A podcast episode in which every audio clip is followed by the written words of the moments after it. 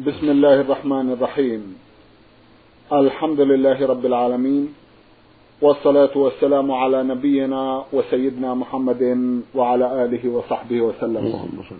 مستمعي الكرام السلام عليكم ورحمة الله وبركاته وأسعد الله أوقاتكم بكل خير. هذه حلقة جديدة مع رسائلكم في برنامج نور على الدرب.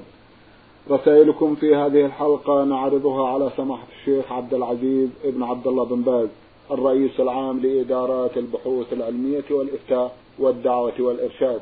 مع مطلع هذه الحلقة نرحب بسماحة الشيخ ونشكر له تفضله بإجابة السادة المستمعين فأهلا وسهلا بالشيخ عبد العزيز. حياكم الله وبارك فيكم حياكم الله.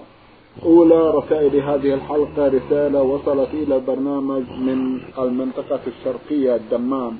وباعثتها إحدى الأخوات من هناك تقول عين حاء قاف أختنا تسأل عن الوقت المناسب لتسمية المولود منذ ومنذ ولاية منذ ولادته ومن هو الأحق بتسميته؟ بسم الله الرحمن الرحيم. الحمد لله وصلى الله وسلم على رسول الله وعلى آله وأصحابه من اهتدى بهداه. أما بعد فالأحق بالتسمية هو الأب هو والد الطفل إذا كان موجودا. وإذا كان غير موجود فالأكبر من أولياء الطفل. ويستحب التعاون في ذلك والتشاور بين الوالد والوالدة حتى يختار الجميع الاسم الحسن. وأفضل الأسماء ما عبد لله سبحانه وتعالى في حق الرجال كعبد الله وعبد الرحمن وعبد الملك وعبد الكريم ونحو ذلك. وفي حق الأسماء وفي حق النساء ما كان متعارضا بين نساء الصحابة ومن بعدهم من المؤمنات. الأسماء المعروفة التي ليس فيها مشاعة ولا ما يدل على اختيار أسماء جاهلية نعم. من أسماء الكفرة والكافرات. يختار المؤمن الأسماء المعروفة بين المسلمين هذا هو الأفضل. أما ما عبد لغير الله فلا يجوز كعبد الحسين. أو عبد النبي أو عبد الكعبة هذا لا يجوز. والأفضل أن يكون أن تكون التسمية يوم السابع. للرجل والمرأة جميعا. لقول النبي صلى الله عليه وسلم كل غلام مرتهن بعقيدته بعقيقته. كل غلام مرتهن بعقيقته تذبح عنه يوم سابع ويحلق ويسمى. رواه الإمام أحمد وأهل السنة بإسناد صحيح. فالأفضل التسمية يوم السابع. وإن سمي يوم الولادة فلا بأس. وقد سمى النبي صلى الله عليه وسلم ولده إبراهيم يوم يوم ولادته. وسمى أولاد بعض الصحابة في اليوم الأول فلا بأس. سنة أيضا. وفي يوم السابع سنة. هذا هو الأفضل في الزمان وفي الاسم الاسم يختار الأسماء الطيبة الحسنة التي قد اعتادها المسلمون من عهد الصحابة إلى يومنا هذا. وفي أسماء الرجال الأفضل فيها ما كان معبدا لله لقوله صلى الله عليه وسلم أحب اسماء الله عبد الله وعبد الرحمن. فما عبد لله كان أفضل. وهكذا الأسماء المعتادة مثل محمد وصالح وسعد وسعيد وأشبه ذلك كلها أسماء صالحة. لكن أفضلها ما عبد لله سبحانه وتعالى. وأفضل الأيام يوم السابع. وهكذا اليوم الأول. نعم. جزاكم الله خيرا ونفع بعلمكم. نعم. نعود في هذه الحلقة إلى رسالة المستمع ضاد ألف عين جيم من جمهورية مصر العربية.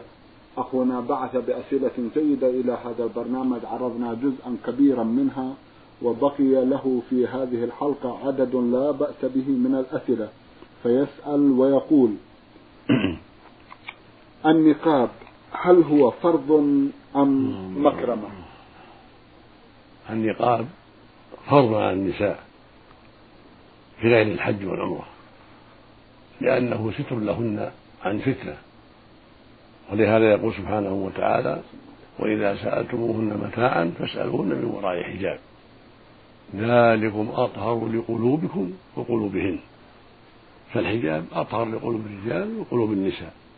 وأعظم ما في المرأة من الزينة وجهها فالواجب هو ستره والتنقب بالحجاب الساتر حتى لا تفتن ولا تفتن. وكان النساء قبل نزول الحجاب يكشفن وجوههن وأيديهن عند الرجال.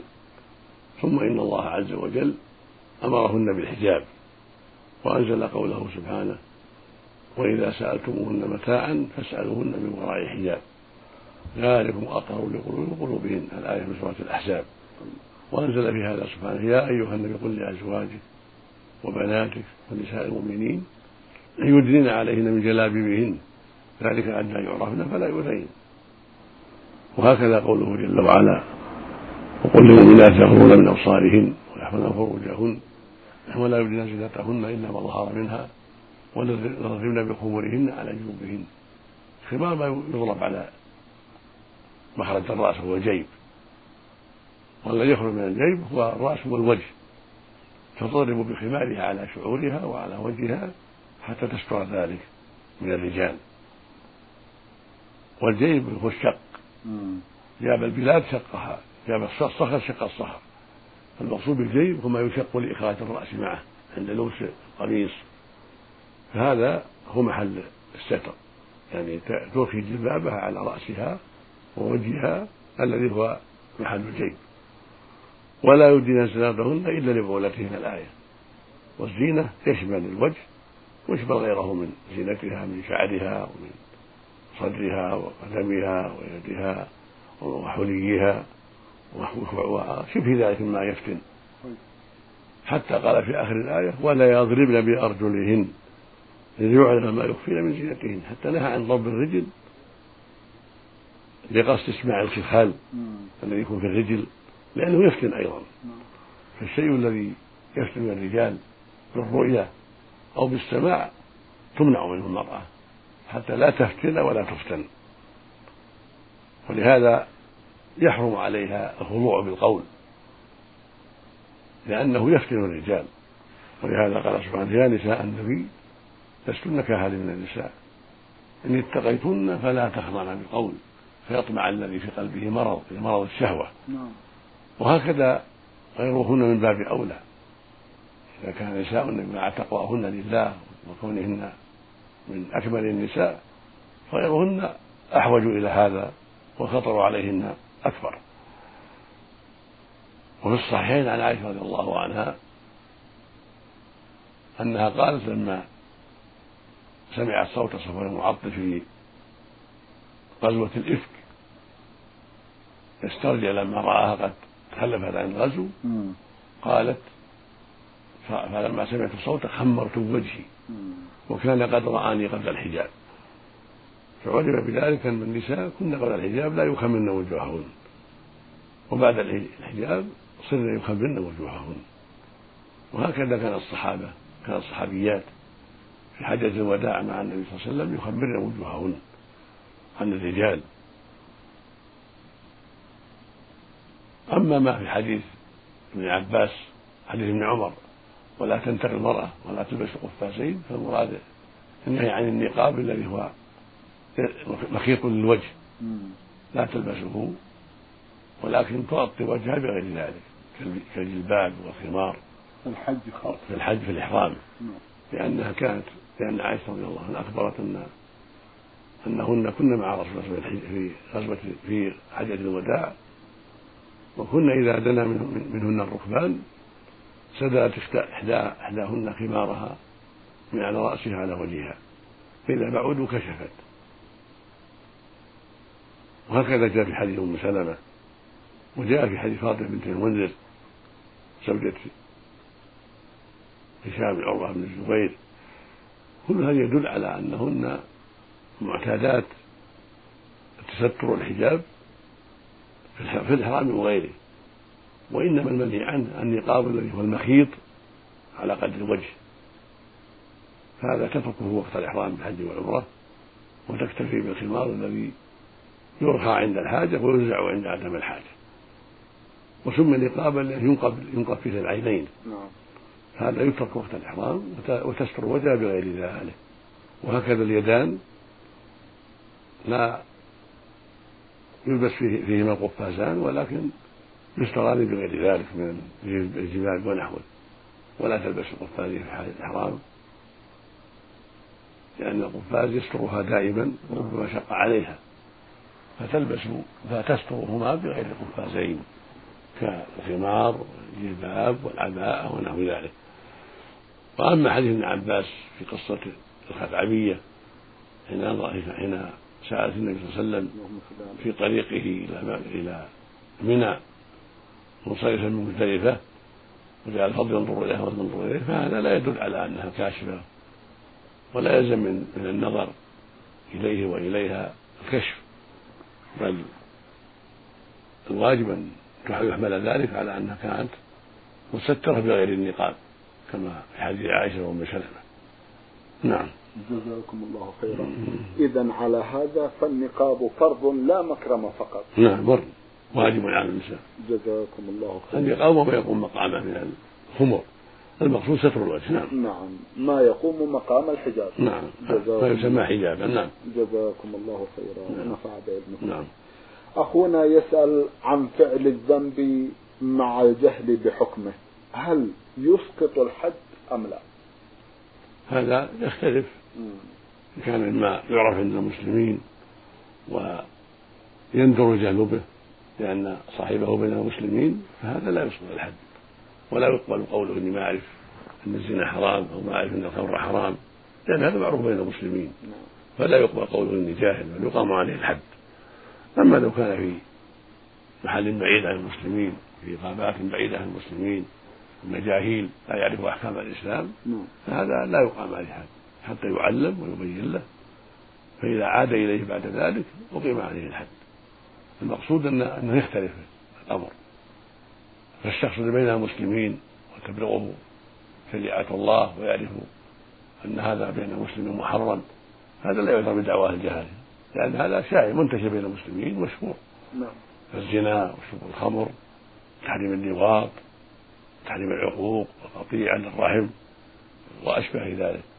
فأما من كان عاش في جاهلية بعيدة عن الإسلام بعيدة عن المسلمين في مجاهل أفريقيا أو مجاهل أمريكا أو يعني في موضع بعيد عن معرفة أحكام الله نعم. فهذا يعلم. نعم. جزاكم الله خيرا ونفع بعلمكم. أخونا يسأل هذا السؤال ويقول فتح فم الطير وإعطاؤه الحبوب. وربما تكون أكثر من طاقته حتى يتمم بسرعة. هل هذا جائز أو لا؟ هذا فيه تفصيل يخشى منه. إذا كان الطائر مريض يعني يحتاج إلى من يلقمه فلا بأس. يعطى قدر الحاجة مع الاحتياط لئلا يضره. فأما إذا كان الطائر يلقط يلقط بنفسه ويأكل بنفسه فلا حاجة إلى هذا العمل. لأن هذا قد يضره ويؤذيه.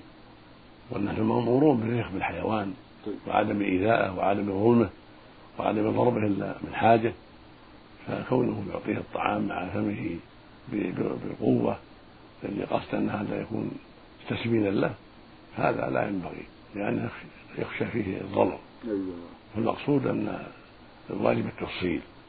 إذا كان الطائر والحيوان سليما يأكل بنفسه ويلقط الحب بنفسه فلا حاجة إلى هذا كله. أما إذا كان مريض يعجز عن الأكل يحتاج إلى من يرفع له الطعام. مثل مثل بني آدم يساعد. نعم. يساعد على وجه لا يضر. أيوة. نعم. لكن إذا كان المقصود من هذا كما قال أن يثمن بسرعة. لا ما يصح. لا يصح. ما يصح إذا كان يضره. أيوة. أما إذا كان لا يضره ولكن يعني يدر عليه الطعام يجتهد في علفه الجيد. هذا لا بأس. لكن على وجه يضره ويؤذيه لا. جزاكم الله خيرا ونفع بكم رأيت أناسا آه، سماحة الشيخ يحقنون الطيور بالماء عند بيعها من أجل أن تكون على هيئة معينة عند البيع ربما يكون في هذا شيء من التدريس. هذا لا يجوز. أيوة. لأن هذا معناه التدريس نعم. يوهم الناس أنها سمينة أيوة. وأنها كبيرة والأمر ليس كذلك. كل شيء يوهم المشتري والزبون خلاف الحقيقة لا نعم. يجوز. لأن الرسول عليه السلام قال من غشنا فليس منا. هكذا يقول صلى الله عليه وسلم من غشنا فليس منا. ولما مر على صورة من طعام السوق وأدخل يده فيها نالت أصابعه بللا فقال ما هذا يا صاحب الطعام؟ قال أصابته السماء يا رسول الله. يعني المطر. نعم. قال أفلا جعلته فوق الطعام كي يراه الناس؟ من غش فليس مني. رواه مسلم في الصحيح. المقصود أن الواجب على المسلمين التناصح وعدم الغش.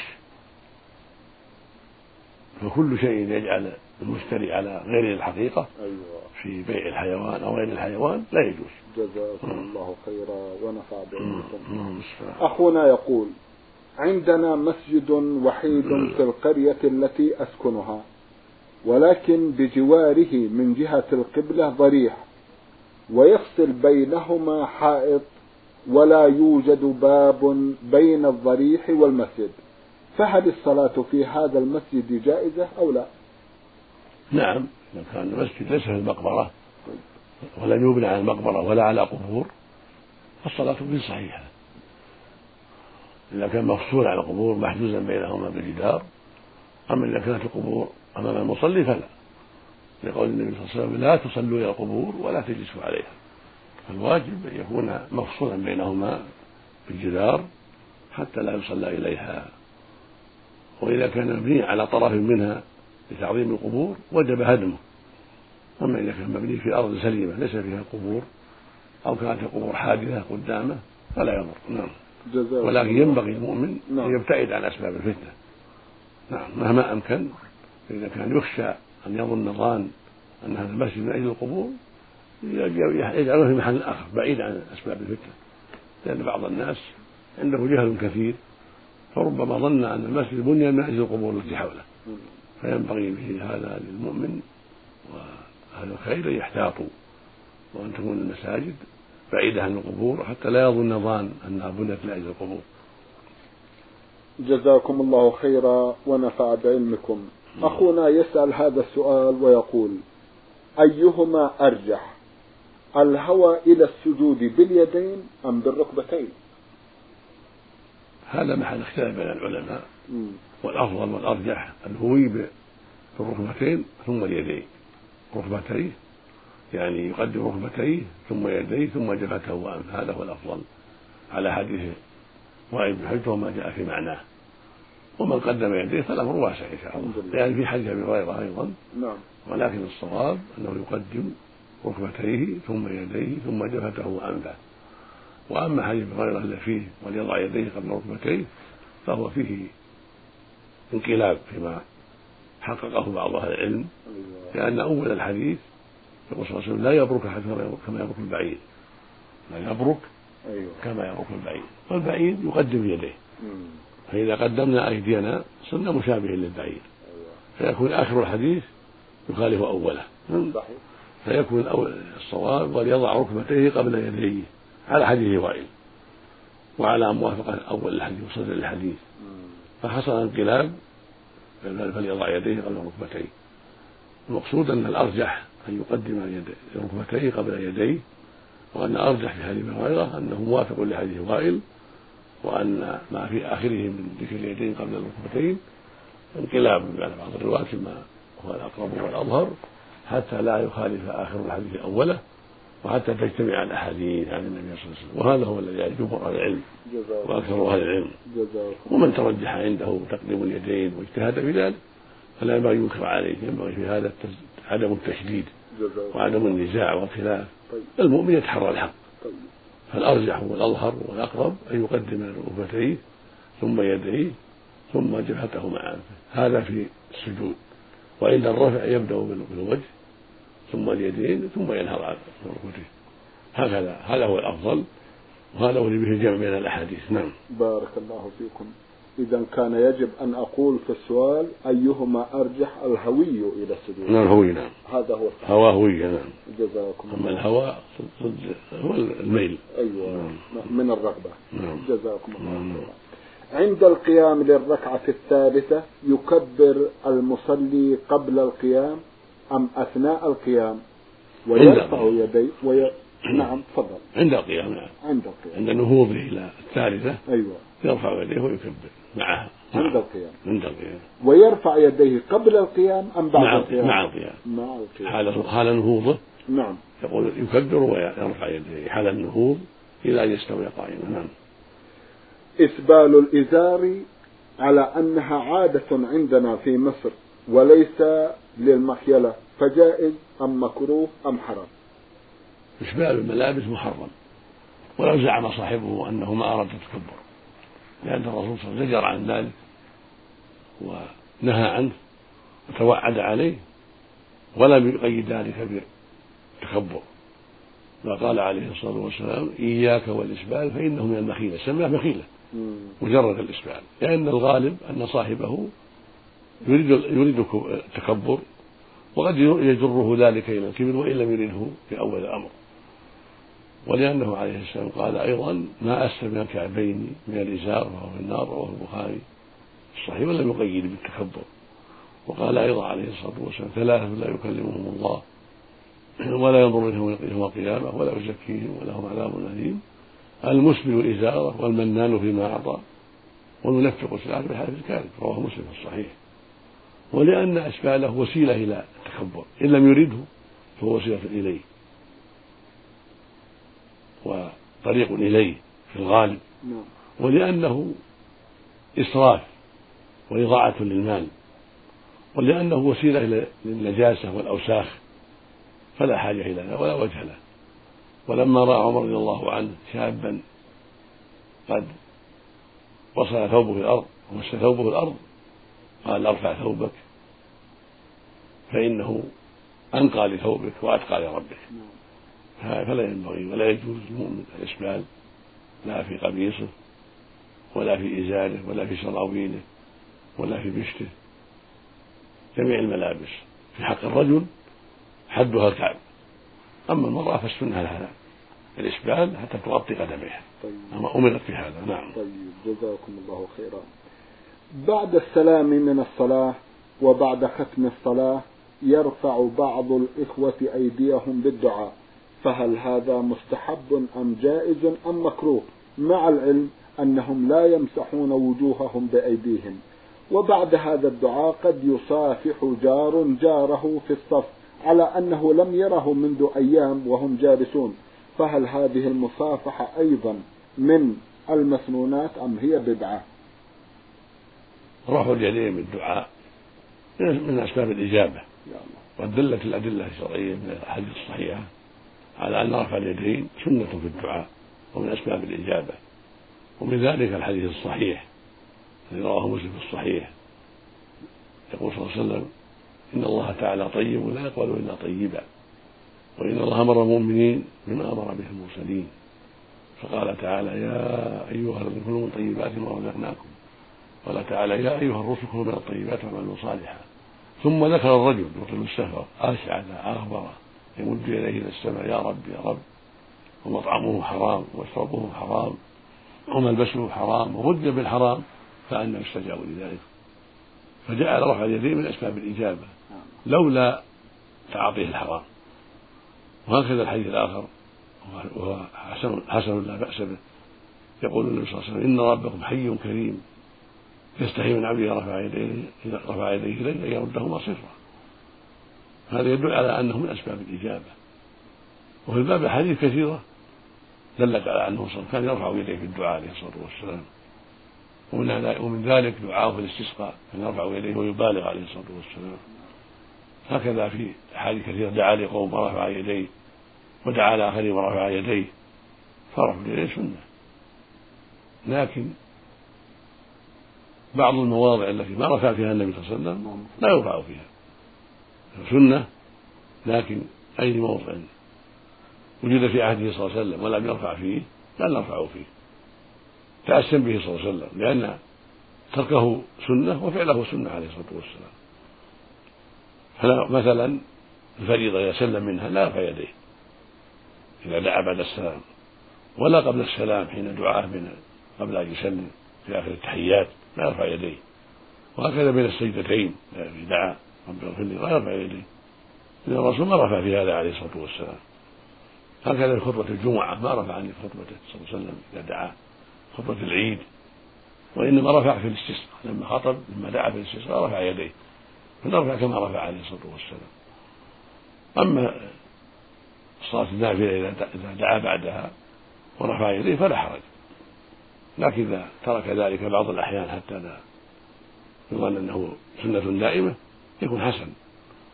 لأن لا نحفظ عنه صلى الله عليه وسلم أنه كان يواظب على رفع اليدين بعد النوافل. فإذا رفع بعض الأحيان فحسن.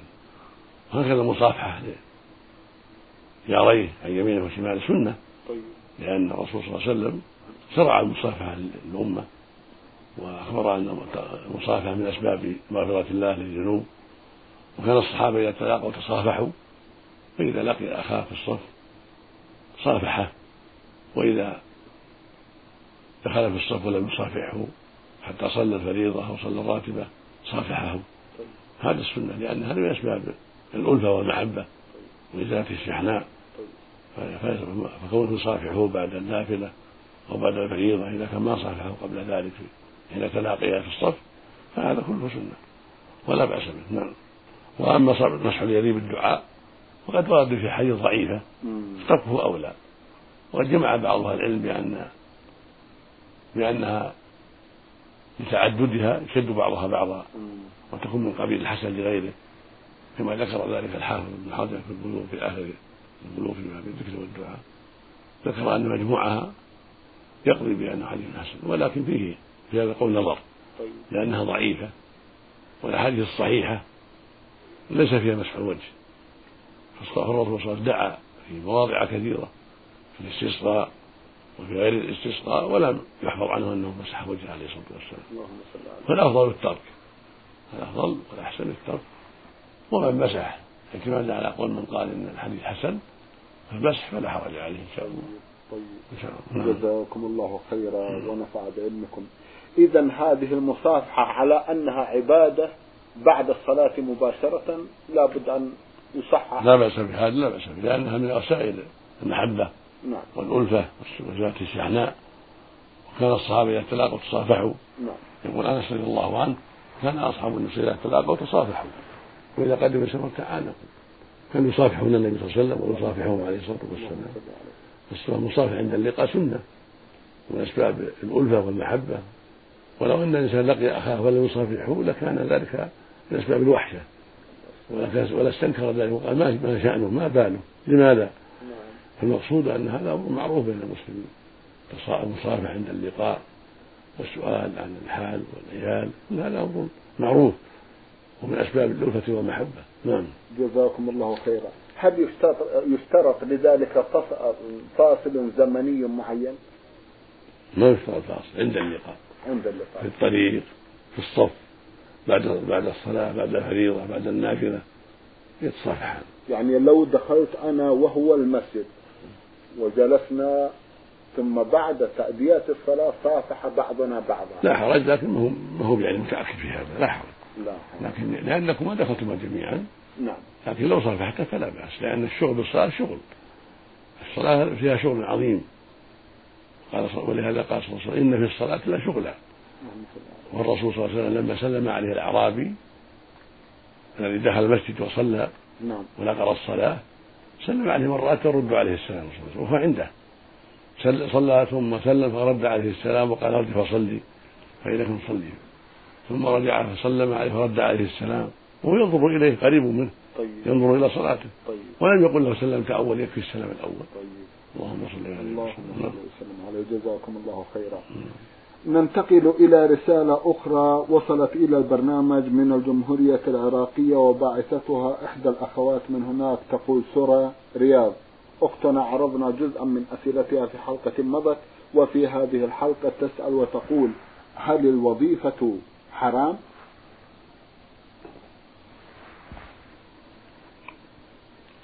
هذا فيه تفصيل. الوظيفة إن كانت في ما حرم الله أو في الإعانة على ما حرم الله فهي حرام. فالوظيفة في شراء المسكرات الوظيفة في الدعوة إلى الزنا واللواط الوظيفة في ظلم الناس ما تجوز وهكذا ما أشبه ذلك. لأن الله يقول ولا تعاونوا على الإثم والعدوان. أما الوظيفة التي في أمور مباحة أو في طاعة كالوظيفة في البيع والشراء عن زيد وكره يبيع له ويشتري له. الوظيفة في إكرام الضيف الوظيفة في أعمال المسلمين وحاجات المسلمين التي ليس فيها تعاون الإثم والعدوان لا بأس بذلك. فالحاصل أن الوظيفة إذا كانت فيما أباح الله أو فيما شرع الله لا بأس بها. أما كانت الوظيفة فيما حرم الله أو في الإعانة على ما حرم الله فإنها لا تجوز. لأن الله سبحانه يقول وتعاونوا على البر والتقوى ولا تعاونوا على الإثم والعدوان. جزاكم الله نعم. خيرا. السائلة أنت شيخ عبد العزيز. كذلك درب واحد. الطريقة واحدة. نعم. إذا كانت وظيفتها فيما أباح الله تدريس النساء مم. تعليم النساء نعم. آه، إدارة مدرسة النساء عميدة مدرسة النساء كلية النساء لا بأس. وظيفة طب النساء تطب النساء. نعم. وظيفة فيما ينفع النساء فيما ينفع المسلمين ولكن ليس فيها اختلاط بالرجال ولا فتنة. مثل وظيفة توزع صدقة على الفقراء والمساكين. نعم. ليس فيه اختلاط بالرجال ولا فتنة. فلا بأس بذلك. أما وظيفة درس الأبناء درس الأبناء هذا لا يجوز. فتنة ولا يجوز. لأنها تعرض نفسها الفتنة وللشباب للفتنة بها أيضا. وظيفة في أنها تعاطى شرب الخمر أو بيع الخمر أو تعاطى أكل الربا أو معاملة الربا. المقصود وظيفة فيما حرم الله. نعم. كان توظف في بيع الربا في المعاملات الربوية توظف في إحضار الخمور لبعض الموظفين. في إحضار بعض النساء. للزنا أو ما أشبه ذلك كل هذا محرم. وتعتبر قواده جزاكم الله المقصود هذه أمثلة. نعم نعم. فإن كانت الوظيفة في حل ما حرم الله فلا تجوز. أو في الإعانة على ما حرم الله فلا للرجال والنساء جميعا. وإن كانت الوظيفة فيما ينفع الناس وفيما أباح الله وفيما شرع الله فلا بأس. للجميع. نعم. نفع الله بعلمكم. سماحة الشيخ في الختام أتوجه لكم بالشكر الجزيل بعد شكر الله سبحانه وتعالى. على تفضلكم بإجابة السادة المستمعين وآمل أن يتجدد اللقاء وأنتم على خير.